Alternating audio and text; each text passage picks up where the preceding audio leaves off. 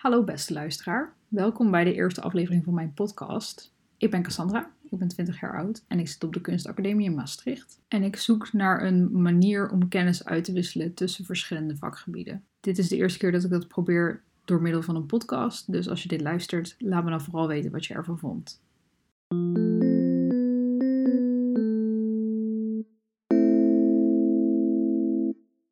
En vandaag heb ik te gast mijn zus.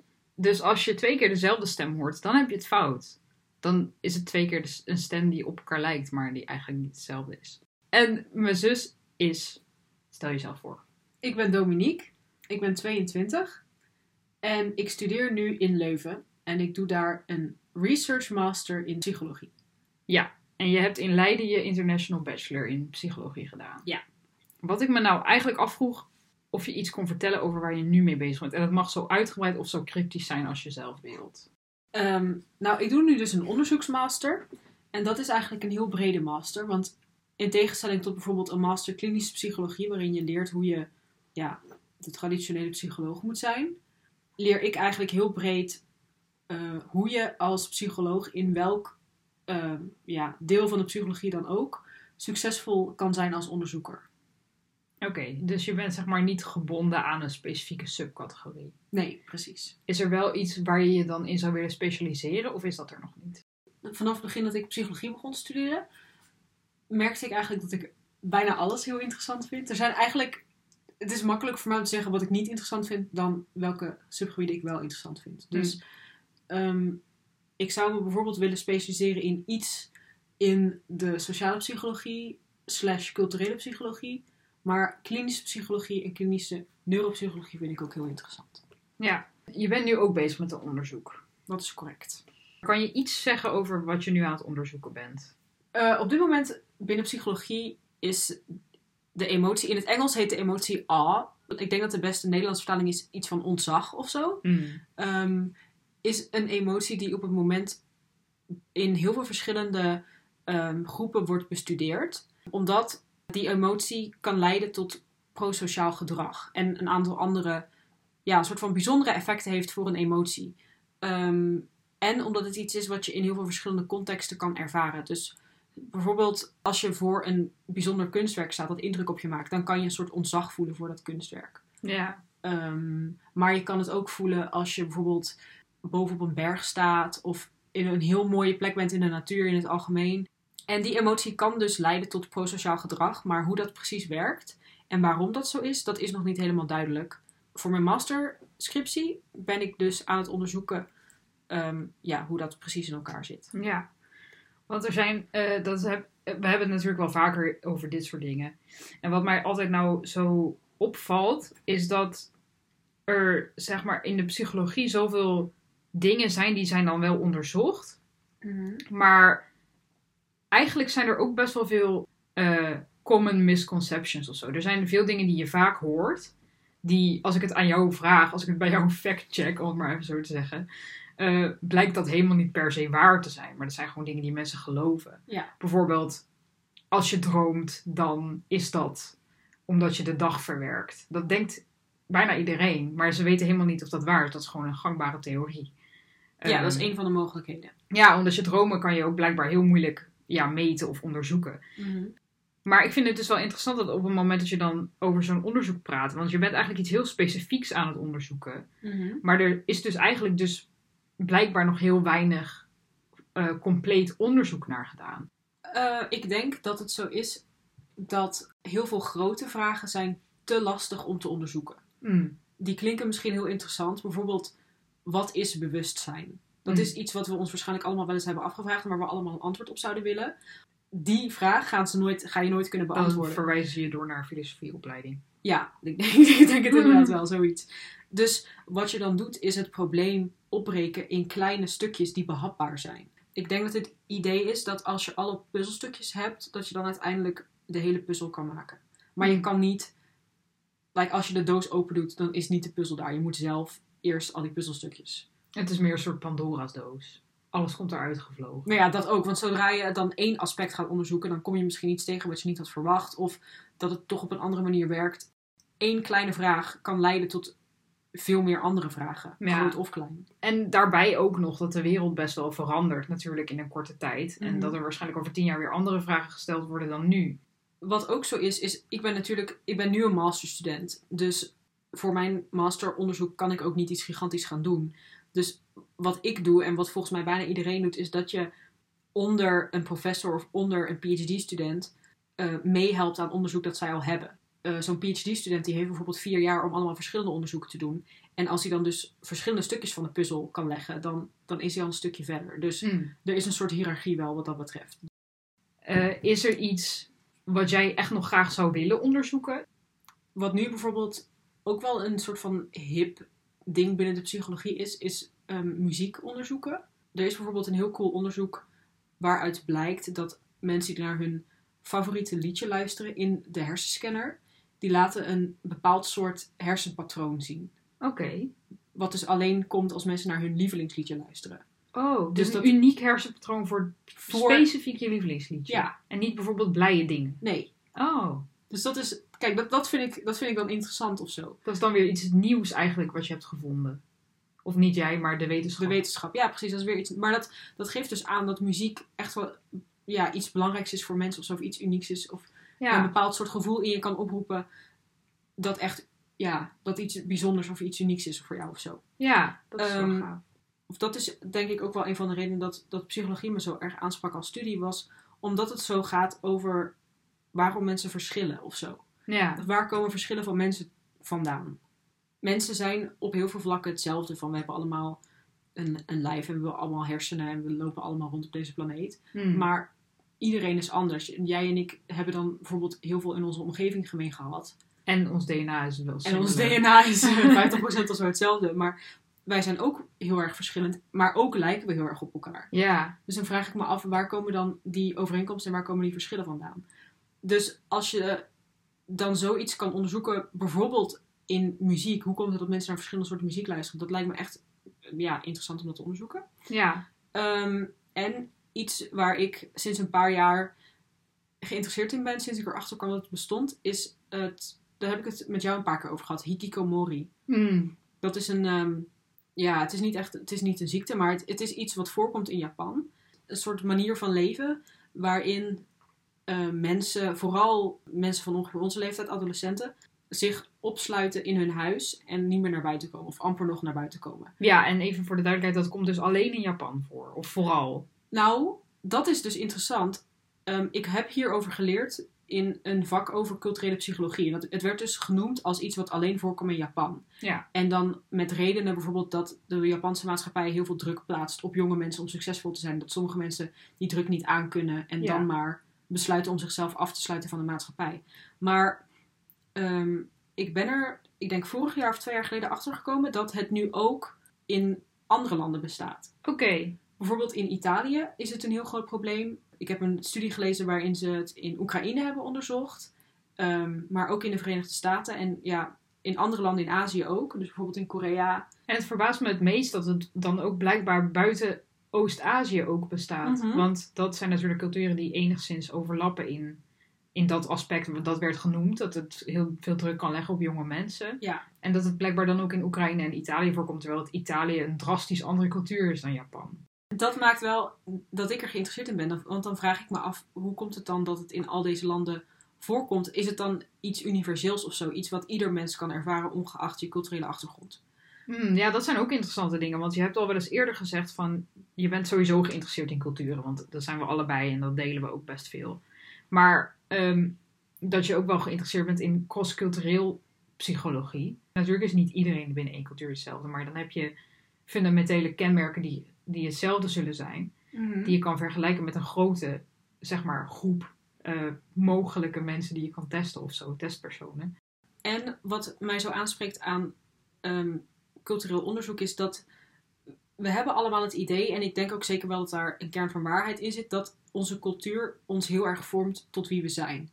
Als wij waren opgegroeid in een ander land, dan waren we waarschijnlijk andere personen geweest. Ja. Op een bepaalde manier. Of dan hadden we ons ander gedra- anders gedragen. Maar ik vraag me altijd af, als je kijkt op een individueel niveau, is een cultuur dan echt een soort van de doorslaggevende factor? Want als je kijkt binnen een cultuur, dan zijn er zo ontzettend veel individuele verschillen tussen mensen. Dus ik vraag me af of die verschillen tussen mensen in een cultuur dan niet groter zijn dan verschillen tussen mensen van verschillende culturen. We doen soms misschien alsof dat het verschil tussen mijn cultuur en jouw cultuur heel groot is. Maar is het niet zo dat Piet uit Nederland en Henk uit Nederland meer verschillen met elkaar? Ja, dat is op zich best wel. Dat zou ook een filosofische vraag kunnen zijn: van wat, wat maakt ons verschillend en wat maakt ons hetzelfde? Dat is wat psychologie zo interessant maakt, vind ik. Dat het eigenlijk een mix is van allemaal verschillende dingen. Er zit een beetje filosofie in, er zit een beetje, ja, je kan misschien wel zeggen exacte wetenschap in, want psychologen werken echt hard om Feiten. feiten, ja, te- ja, precies. Eh, Dominique spendeert erg veel uren om statistiek eh, te leren en om gegevens in grafieken te zetten en om scans van breinen over te trekken. Dus denk maar niet dat psychologen nog steeds de Freudiaanse aanpak hanteren. Maar dat wist ik, dat wist ik dus ook niet toen ik eraan begon. hè. Ik, ik, ik had het gewoon gekozen omdat het me zo ontzettend interessant leek. Ja, Maar ik wist, ik, ik dacht ook dat we dan misschien wel gingen leren wat bewustzijn is en, en hoe dromen werken of zo. ja. Maar dat, dat bleek dus helemaal niet zo te zijn. Het gaat echt heel erg om eh, ja, wetenschappelijke feiten of zo. We zijn samen ook naar het Freud Museum geweest in Londen bijvoorbeeld. Eh, dat we het ook wel eens over hebben van. eh, Freud heeft wel echt een soort. In een tijd dat de psychologie nog niet bestond, was hij natuurlijk een van de grondleggers. Dus daar mogen we best wel veel respect voor hebben, denk ik. Maar aan de andere kant heeft hij een aanpak gehad. Waardoor het misschien tot op de dag van vandaag wel moeilijk is voor mensen om psychologie als wetenschappelijk vakgebied serieus te nemen. Omdat hij, nou ja, in de, met de kennis van nu, toch best wel generaliserende dingen heeft gezegd. Of, of conclusies heeft getrokken uit zeer betwijfelbare bronnen. En Ja, zo. want al zijn, al zijn cliënten waren welgestelde vrouwen eigenlijk in Engeland. En dan Mm. specifiek, of, of ook in, eh, in eh, wat is het? Oostenrijk. Ja. En dat is natuurlijk, dat kan je niet generaliseren naar alle mensen op de hele wereld. In ieder geval was Freud natuurlijk vooral bekend van zijn hele het on- onderbewuste en het topje van de ijsberg en dat Ja. soort dingen. Eh, dat hij toch wel misschien wel conclusies heeft getrokken die heel groot zijn en heeft zeg maar gezegd.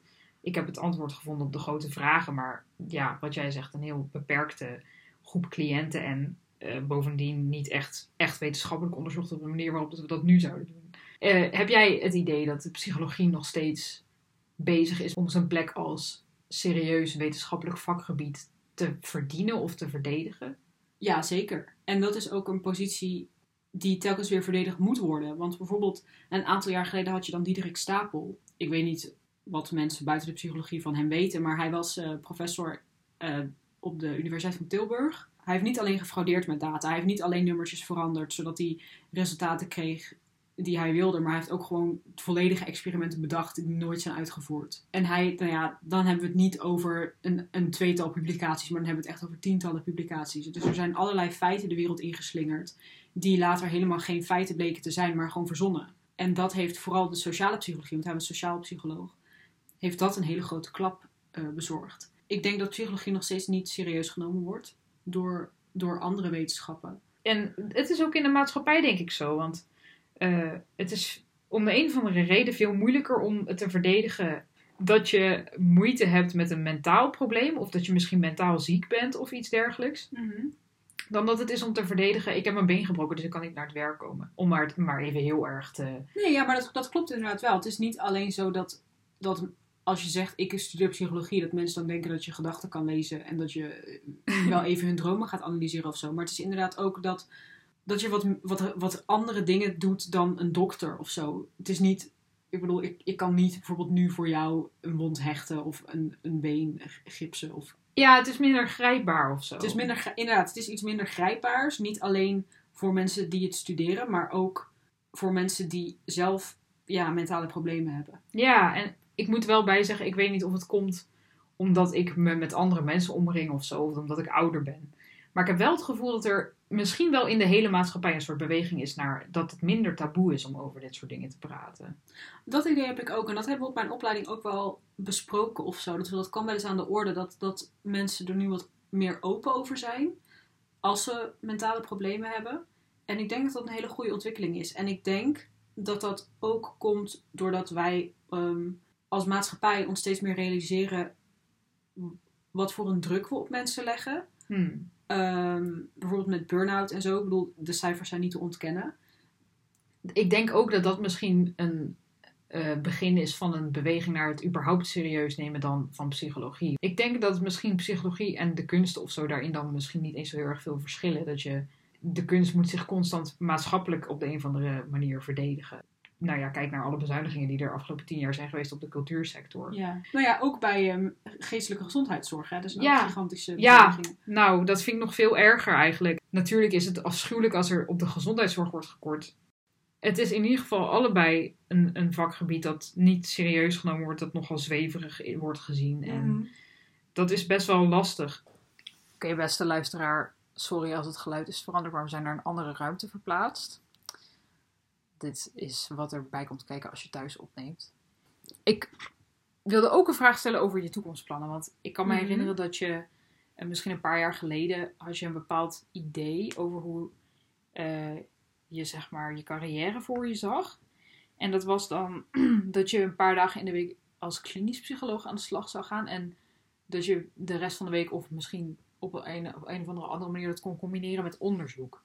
Maar volgens mij ben je daar een beetje van gedachten veranderd. Ehm, nou, gaandeweg kwam ik erachter dat dat eigenlijk eh, gewoon een heel lastige weg is om te bewandelen qua, qua carrière. Want ten eerste heb ik voor mijn masteronderzoek en voor mijn bacheloronderzoek eh, best wel nauw samengewerkt met onderzoekers binnen psychologie. En heb ik dus gezien hoeveel druk er staat op die mensen. Het is echt een heel stressvolle baan. Je moet heel veel uren maken en er is heel veel druk op, je om papers te blijven publiceren en weet je wel, actief te zijn en, en onderzoek te blijven doen. Dus dat is dan wel heel stressvol. Maar als psycholoog werken is ook heel erg stressvol. Ja, dus je zou kunnen zeggen dat onderzoeker, dan, dan zit er veel, ja, ook wel veel stress op je, omdat je veel moet publiceren, maar misschien veel tijdsdruk of zo. En als klinisch psycholoog waarschijnlijk voor jezelf veel psychische belasting, omdat je dan met mensen met klinische psychologische aandoeningen werkt. Maar ook veel tijdsdruk. Want bijvoorbeeld als je werkt bij de GGZ als, als psycholoog, dan heb je gewoon 10 mensen op één dag soms. En dan, is het, dan kan je gewoon niet meer dan 45 minuten of ik zeg maar wat, een uur met iemand praten. En dan is het gewoon tijd voor de volgende. Ja, En volgens mij is tegenwoordig iets van 70% papierwerk. ja dat geloof ik ook wel, ja. ik wil niet zeggen dat ik volledig heb die droom volledig heb opgegeven of zo. Of in hoeverre dat ooit een droom was. Het was meer iets wat me interessant leek om te combineren. Omdat ik wel denk, en dat denk ik nog steeds, dat de combinatie van onderzoek en in de praktijk werken heel interessant is. Omdat het elkaar of zo kan informeren.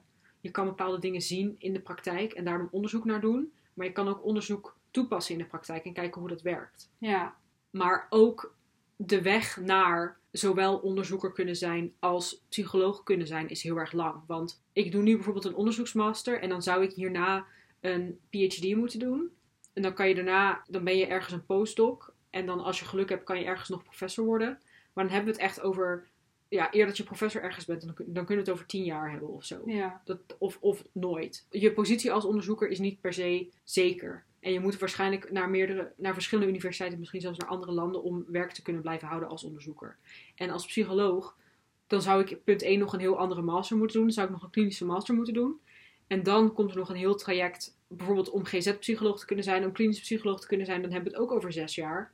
En dat is als je fulltime die opleidingen doet. Maar als je dan dus als onderzoeker ook moet werken, dan moet je dus allebei parttime doen. En het wordt heel erg ingewikkeld om dat te doen. Het is Ja. niet onmogelijk, maar het wordt heel erg ingewikkeld. Ja. En het is vrij ongebruikelijk, omdat vaak eh, mensen duidelijk een voorkeur hebben voor oftewel de praktijk, oftewel onderzoek. Ja, Wat ik me nu wel eens afvraag is, waar onderzoekers in het algemeen niet per se binnen psychologie zich mee bezighouden, is dat heel veel onderzoek dat gedaan wordt eigenlijk binnen academische kringen blijft. ja. En dat is heel jammer, want er wordt heel erg interessant onderzoek gedaan en er worden hele belangrijke dingen gevonden. En die, ja, dat is dan iets wat onder psychologen blij- blijft of onder onderzoekers blijft. En dat, ja. Dus wat ik me wel eens afvraag is of, er, of ik niet iets zou willen doen waardoor of waarmee ik mensen die niet in de academische wereld zitten of mensen die niet psychologisch onderzoeker zijn, kan informeren over wat er allemaal gebeurt in de wereld van de psychologie. Dat zou heel veel vormen aan kunnen nemen. Psychologisch tijdschrift of een Of lezingen of weet ik veel wat. documentaires. Ja.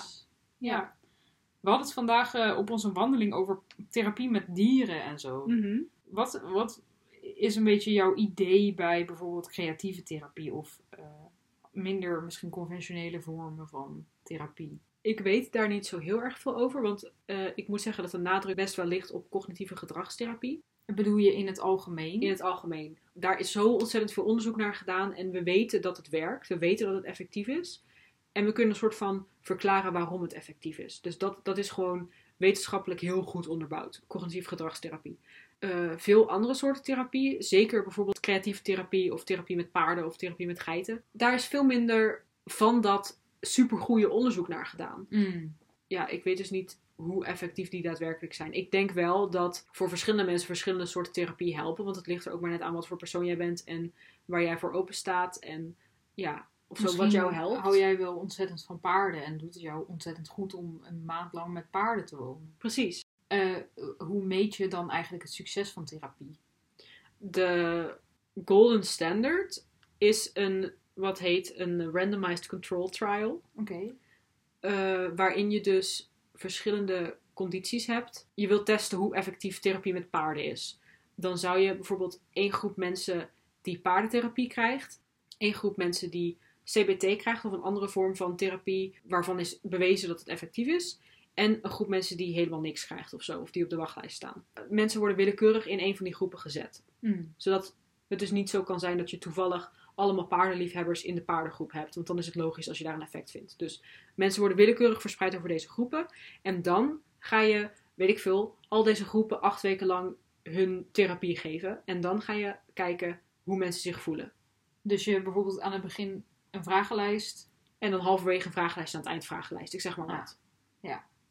Maar bij mij op school, eh, er heersen natuurlijk veel verschillende ideeën over wat kunst is. Of wat waardevolle kunst is. En je hebt dan natuurlijk een heel romantische invalshoek van kunst is het gevoel van de kunstenaar dat hij heeft weten te, te, te eh, vertalen in een beeld of zoiets dergelijks. Of dat dat het belangrijkste is in de kunst. En je hebt ja, meer bijvoorbeeld een formalistische denkwijze. Je hebt natuurlijk verschillende stromingen erin, maar je hebt bijvoorbeeld ook mensen die zeggen het gaat puur om de esthetiek of zo.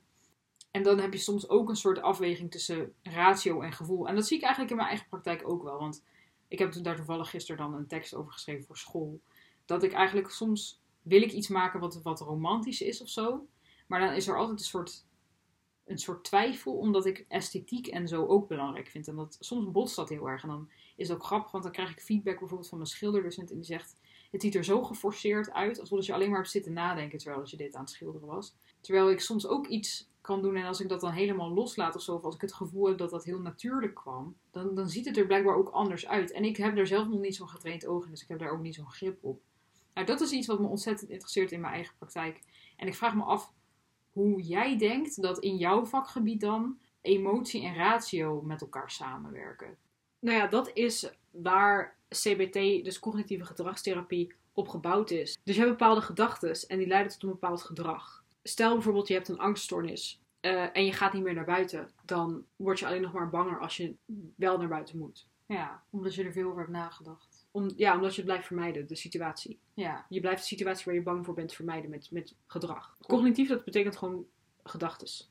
Oh, ik dacht dat het meer was van Cognitie is denken. aangeleerd gedrag of zo. Oh, dus het gaat meer om gedachtegedrag, zeg maar, Ja, therapie. gedachtes en gedrag. Oh. Dat is wat cognitieve gedragstherapie doet. Die probeert de gedachten die je hebt te bespreken.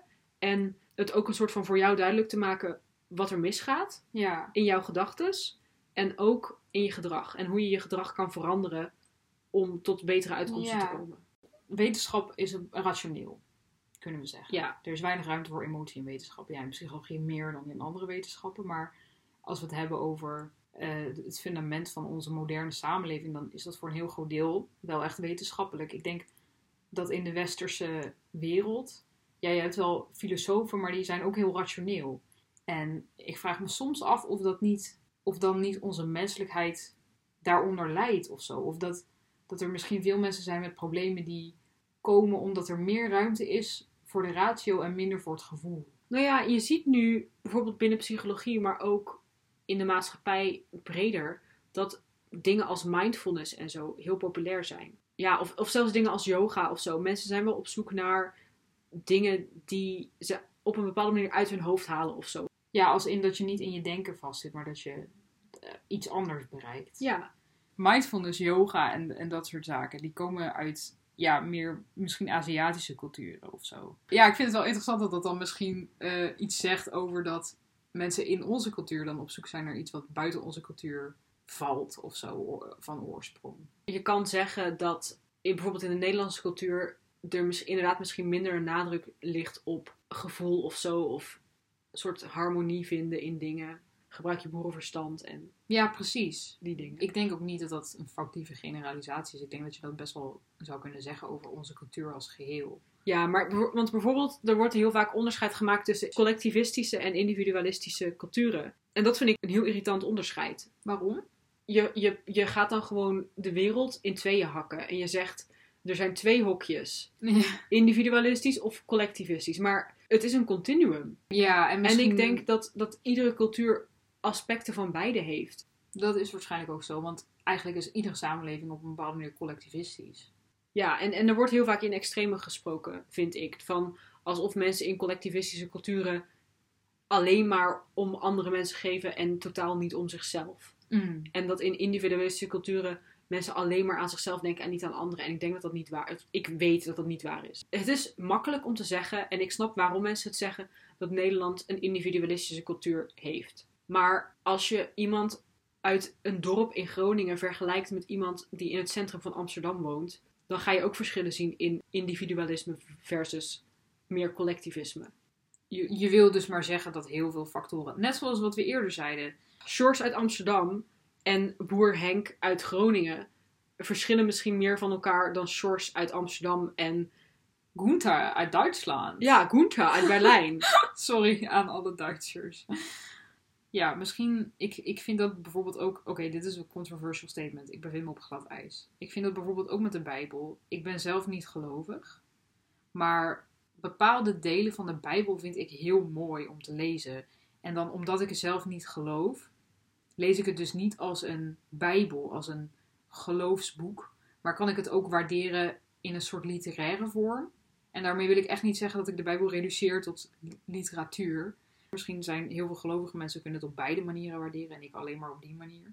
Maar dat is misschien ook zo met oude psychologische theorieën. In de kunsten komt natuurlijk Freud constant naar boven. Tot vervelens toe gewoon. Iedereen heeft het de hele tijd over Freud. Waar ik me dus wel over verbaas, want dat is denk ik niet alleen in de kunsten, maar heel veel gebieden dat niet psychologie is. Maar in psychologie zijn we echt al 70 jaar verder dan Freud. De kunstwereld zegt ook niet dat die dingen waar zijn. En misschien is dat een soort interessant om mee te spelen of zo. Of ideeën van het onderbewuste of dat soort dingen. En natuurlijk komen er vaak heel grote vragen over leven aan bod in de kunst. Dus daar zal het mee te maken hebben. Maar ja, je hebt misschien wel gelijk. Ook als je tv-series kijkt of zo. Als het gaat om een psycholoog of iets dergelijks. Dan is het bijna altijd zoiets Freudiaans. Of op zijn minst is het psychotherapie, weet je wel. Er is een best wel een eenzijdig, eenzijdige representatie van misschien of zo. En ik snap, ook, ik snap ook wel waarom dat zo tot de verbeelding spreekt. Natuurlijk, of in zekere zin snap ik dat het lezen van Freud of zo interessanter en inspirerender is dan een heel droog onderzoekspaper met, met statistiek en, en zo. Maar voor psychologen of voor andere wetenschappers misschien heeft zo'n paper wel meer wetenschappelijke waarde dan een boek van Freud. Denk je dat er psychologische kenmerken zijn die bij ieder mens op de wereld voorkomen? Nee, want zelfs bepaalde basisemoties zijn niet vanzelfsprekend. Psychopaten bijvoorbeeld kunnen geen empathie voelen. Maar er zijn wel dingen die universeel zijn. We hebben allemaal een bewustzijn, al weten we niet precies wat dat inhoudt en hoe het werkt. Hebben we dat allemaal? Nou ja, dan, dan als je het hebt over mensen die misschien geen bewustzijn hebben, dan denk ik eerder bijvoorbeeld aan mensen die in een coma liggen. Mm, maar die hadden het wel, dus dan. Tenzij je gelooft in het zombieprobleem. Oh, dit is wel leuk om het over te hebben. Het is een gedachte-experiment. Ja, dus stel je voor dat er een wezen is dat niet te onderscheiden is van een echt mens, maar dit wezen heeft geen bewustzijn. Maar dit wezen denkt wel dat hij een bewustzijn heeft. Dus als je vraagt, heb je een bewustzijn? Dan zal het antwoorden met ja. Mm. Hoe kan je dan ooit weten of iemand bewust is of niet? En daarbovenop nog de vraag, hoe weten wij dan dat we bewust zijn? Ik denk dat de luisteraar zich dit even op zich moet laten inwerken. Ja, zet het even op pauze. Maak even een kopje thee. Denk er even over na. Ik zal een spoiler alert geven, er is geen antwoord op. Nee.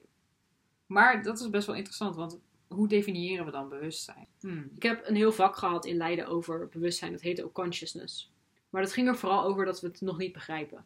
Ja, je kan het ook totaal niet afmeten of zo. Mensen hebben echt wel geprobeerd om, het, om bewustzijn te vinden in het brein. Van is er één hersengebied? Daar is naar gezocht en dat is nooit gevonden. En dat wil niet zeggen dat het er niet is.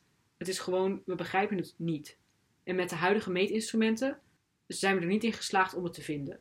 Of als je het op een hersenniveau wil verklaren, dan is het waarschijnlijk je hele brein dat bijdraagt aan bewustzijn. Het is niet een bepaalde plek in je brein. Dat is dus zo dat veel verschijnselen in ons gedrag kun je afmeten aan een specifiek gedeelte van je hersenen, toch? Dus Je moet er wel een heel klein beetje mee oppassen, want ik weet niet of je wel eens hebt gehoord van frenologie. Ja, ik weet niet precies, laten we zeggen 100 jaar geleden misschien wel langer, was dat een, het idee dat je dus aan mensen hun, hun schedel kon zien wat voor persoonlijkheid ze hadden. oh. Dus stel dat jij bijvoorbeeld een knobbel hebt op je voorhoofd en je bent heel, eh, je bent heel snel boos of zo, dan was de conclusie dus op die plek zit boosheid. En bij jou is dat iets groter dan normaal.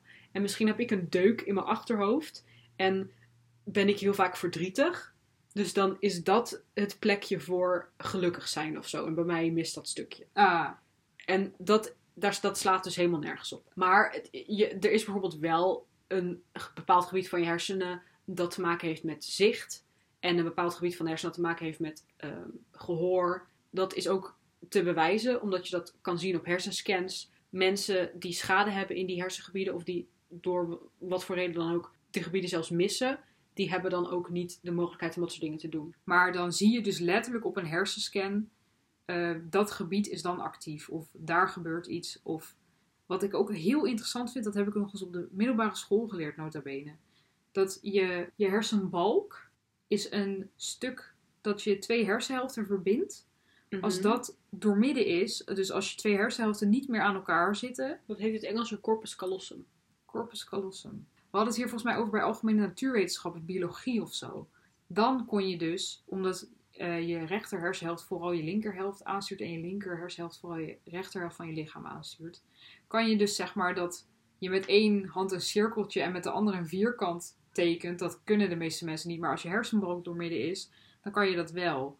Ik weet niet waarom, maar dat is me altijd bijgebleven, want dat vond ik super interessant Dat is het ook. omdat is het dan, dat geeft natuurlijk informatie door van je ene hersenhelft naar je andere hersenhelft. Daar heb ik wel eens iets over geleerd, maar dan moet ik even heel diep nadenken hoe dat ook alweer zat. Want ik weet bijvoorbeeld dat ze dat deden ehm, als mensen epilepsie hadden. En dat stukje kan je weghalen, maar dat kan niet altijd. Soms zit het op een cruciale plek. Bijvoorbeeld, bijvoorbeeld in de buurt van waar je zichtsvermogen zit. En dan wil je daar niet in gaan snijden. Mm. Dus wat ze dan wel eens deden was je corpus callosum doorsnijden. Zodat het in ieder geval niet, de epileptische aanval niet naar je andere hersenhelft kon gaan. Dan Ja, bleef het in ieder geval binnen één, één stuk van je hoofd. Maar eh, en wat betekent dat concreet? Betekent dat dus, dus dan dat alleen je zicht in de epileptische aanval wordt belemmerd? Of hoe moet ik dat voor me zien? Nou, een epileptische aanval is een soort, het is een soort elektrische stroom die zich verspreidt over je hersenen. En dat blijft dan in één hersenhelft? En dat maakt de aanval minder heftig? Of? Ja, Oké. Voor zover ik het weet. Maar dat zou je even moeten factchecken. Wat volgens mij zo was, je linker hersenhelft is wat meer talig of zo. Dus hun linker hersenhelft is dan dominant. Dus stel je laat ze een plaatje zien, links en rechts, dan kun je ze dus twee verschillende plaatjes laten zien. Ja. En ze zullen allebei registreren. Maar als je dan vraagt, wat heb je gezien? Dan gaan ze altijd het plaatje aan de linkerkant noemen. Don't quote her on this. Don't ruin her career. Maar voordat mijn laptop eh, leeg is, ik denk dat we genoeg hebben gepraat. We zouden hier nog 8 miljoen jaar over kunnen doorpraten. Wil ik ten eerste Dominique bedanken voor te gast zijn op mijn aflevering. Graag gedaan. Ik wil je graag bedanken dat ik jouw eerste gast mocht zijn. Ja, wie weet eh, komen er meer afleveringen. Ik weet het niet. Ik vond het zelf eigenlijk wel leuk. Het beviel mij wel. Ik hou van praten en ik hou vooral ook van praten met andere mensen. Dus wie weet komt er nog een aflevering. En ik wil onze beste luisteraar ook van harte bedanken dat je het helemaal tot het einde hebt volgehouden. En wellicht tot een volgende keer.